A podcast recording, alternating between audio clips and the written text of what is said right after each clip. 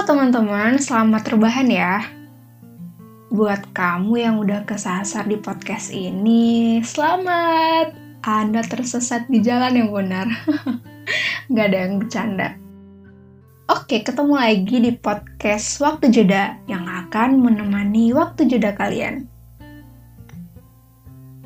Hari ini kita bakalan bahas mengenai ketidakpastian itu menyakitkan.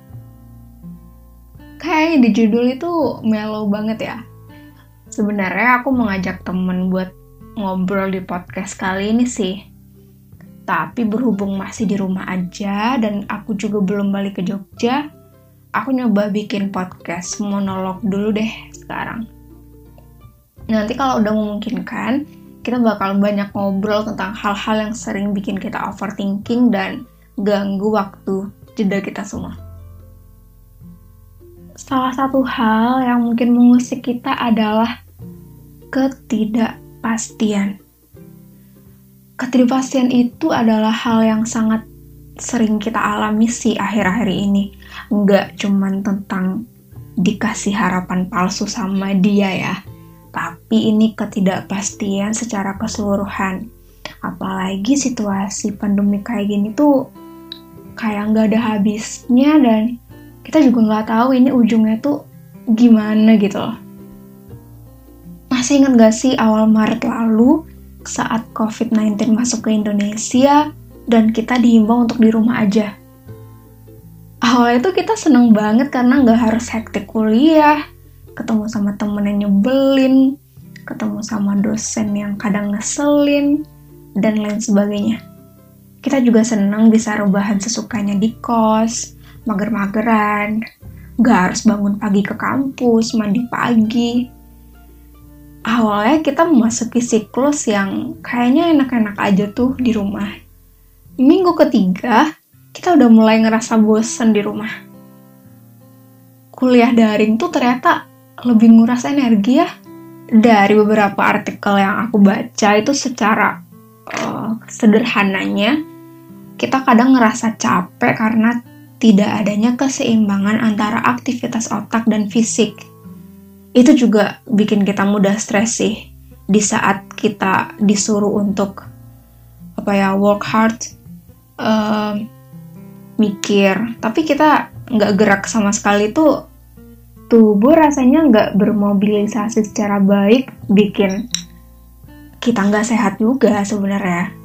Secara individu menurut aku nggak ada deh satupun orang yang senang dengan pandemi ini. Kecuali pas awal-awal ya. Kita mungkin semangat banget buat rebahan. Buat membantu masyarakat, negara dan bangsa untuk menyelamatkan negeri dengan rebahan aja tuh ya apa ya jokes yang mungkin lucu-lucu aja sih uh, awal-awal pandemik. Tapi sebenarnya pandemik juga memiliki efek yang cukup punya impact jangka panjang sih. Kalau kita bahas secara strata sosial ya, tiap-tiap orang dalam mengatasi dan menjalani pandemik ini tuh memiliki distribusi ketidakpastian yang berbeda-beda.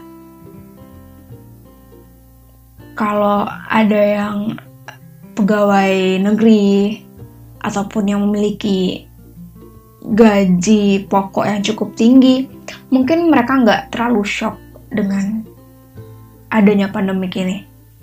Tapi coba deh kita lihat buru-buru pekerja yang digaji harian, ternyata banyak yang mandek gara-gara pandemik.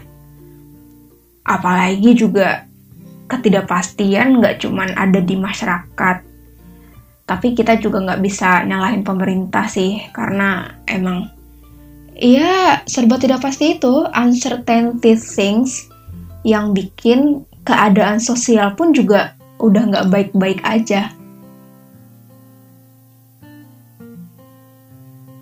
Selain berimpact kepada ekonomi, kita juga jadi nggak bisa ketemu sama orang-orang yang kita sayang. Biasanya tuh nongkrong sama temen sekedar buat self healing, itu masih bisa dilakuin. Atau me time, keliling jalan kaki atau pakai sepeda. biasanya juga bisa jalan sama dia kapan pun kita mau. Kita juga dihadapkan dengan kondisi udah nggak tahu ujungnya. Isi dompet terkuras dengan kuota karena tiap hari harus kuliah daring, ngirim tugas daring, belajar daring, belajar kelompok daring gitu. Sedangkan sumber pendapatan kita nggak menentu Terus kendala mobilisasi. Bagi anak rantau yang gak pulang, udah mulai kangen sama kampung, kangen sama orang tua, sama adik, sama kakak, ponakan, sepupu, dan lain sebagainya. Nah, bagi yang pulang kampung, udah mulai pengen balik ke kos lagi. Bosan di kampung, gak ada yang mau dikerjain. Di rumah kayaknya udah gak produktif, banyak gangguan. Ketidakpastian ini juga jadi banyak orang-orang yang bermasalah dengan lingkungannya gitu. Nah, karena aku dari jurusan sosiologi dan masih lanjut studi ambil sosiologi lagi sekarang, aku mikir secara mikroskopik kalau interaksi baru yang digunakan melalui media saat sekarang ini dengan intensitas yang lebih lama dari biasanya bisa membuat seseorang mengalami culture shock atau keguncangan dari dirinya sendiri. Pada akhirnya keguncangan itu memunculkan terjadinya pengalaman-pengalaman baru yang berbeda dari rutinitas kita. Pertanyaannya adalah, kira-kira kita wajar nggak sih dihadapi dengan ketegangan-ketegangan yang kayak gini.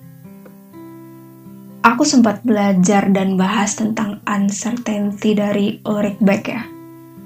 Uh, aku nggak mau ngejelasin teorinya dengan bahasa yang terlalu akademis, tapi uh, teori ini dalam membahas mengenai kehidupan Beck orangnya agak cukup pesimistis gitu. Dia memandang bahwasannya hidup yang kita jalani pada saat sekarang ini memang penuh dengan ketidakpastian. Nah, salah satu cara untuk mengatasi hidup yang seperti itu adalah bagaimana caranya kita tetap berselancar dengan ketidakpastian itu. Jadi, Beck nggak pernah mengiming-imingi kehidupan yang optimis, kehidupan yang lancar, dengan semangat, dan hal-hal yang klise kayak gitu terkadang hidup yang terlalu optimis juga akhirnya menyebabkan kita kehilangan daya untuk menyediakan safety valve atau katup penyelamat untuk meredam konflik dalam diri kita sendiri. Dalam perspektif konflik, ngeluh dan sambat itu malah bagus loh. Sebagai upaya untuk menyicil konflik yang besar agar nggak menggunung. Mungkin kalau kita punya masalah, kita kadang nyari teman ya buat cerita. Tapi kadang temen gak punya waktu juga untuk menyelesaikan masalah kita karena ya masing-masing manusia memiliki masalahnya sendiri. Dan masing-masing orang juga memiliki daya problem solving yang beda-beda. Teknologi yang diciptain ya let's say itu sosial media juga mengasumsikan bahwasannya makin canggih dunia, malah kita yang makin terbelakang untuk mengurus diri sendiri. Maka dari itu, kita harus punya katup penyelamat untuk bisa menyelamatkan diri kita sendiri. Well, sembari berdoa kondisi ini tetap pulih, kita juga harus mencoba belajar untuk menerima kalau kita itu lagi nggak baik-baik aja gitu. Di kondisi yang serba tidak pasti ini tuh emang menyakitkan sih bagi semua orang siapa pun dia. Tapi yang perlu kita pahami di sini adalah semakin kita sadar kalau kita lagi butuh kontrol, semakin kita berusaha buat nyicil ngontrol masalah tersebut, semakin kita bisa memprediksi diri sendiri bahwa kita mempunyai jiwa dan mental yang tetap sehat untuk bisa menghadapi ketidakpastian-ketidakpastian di hari berikutnya. Selamat beristirahat.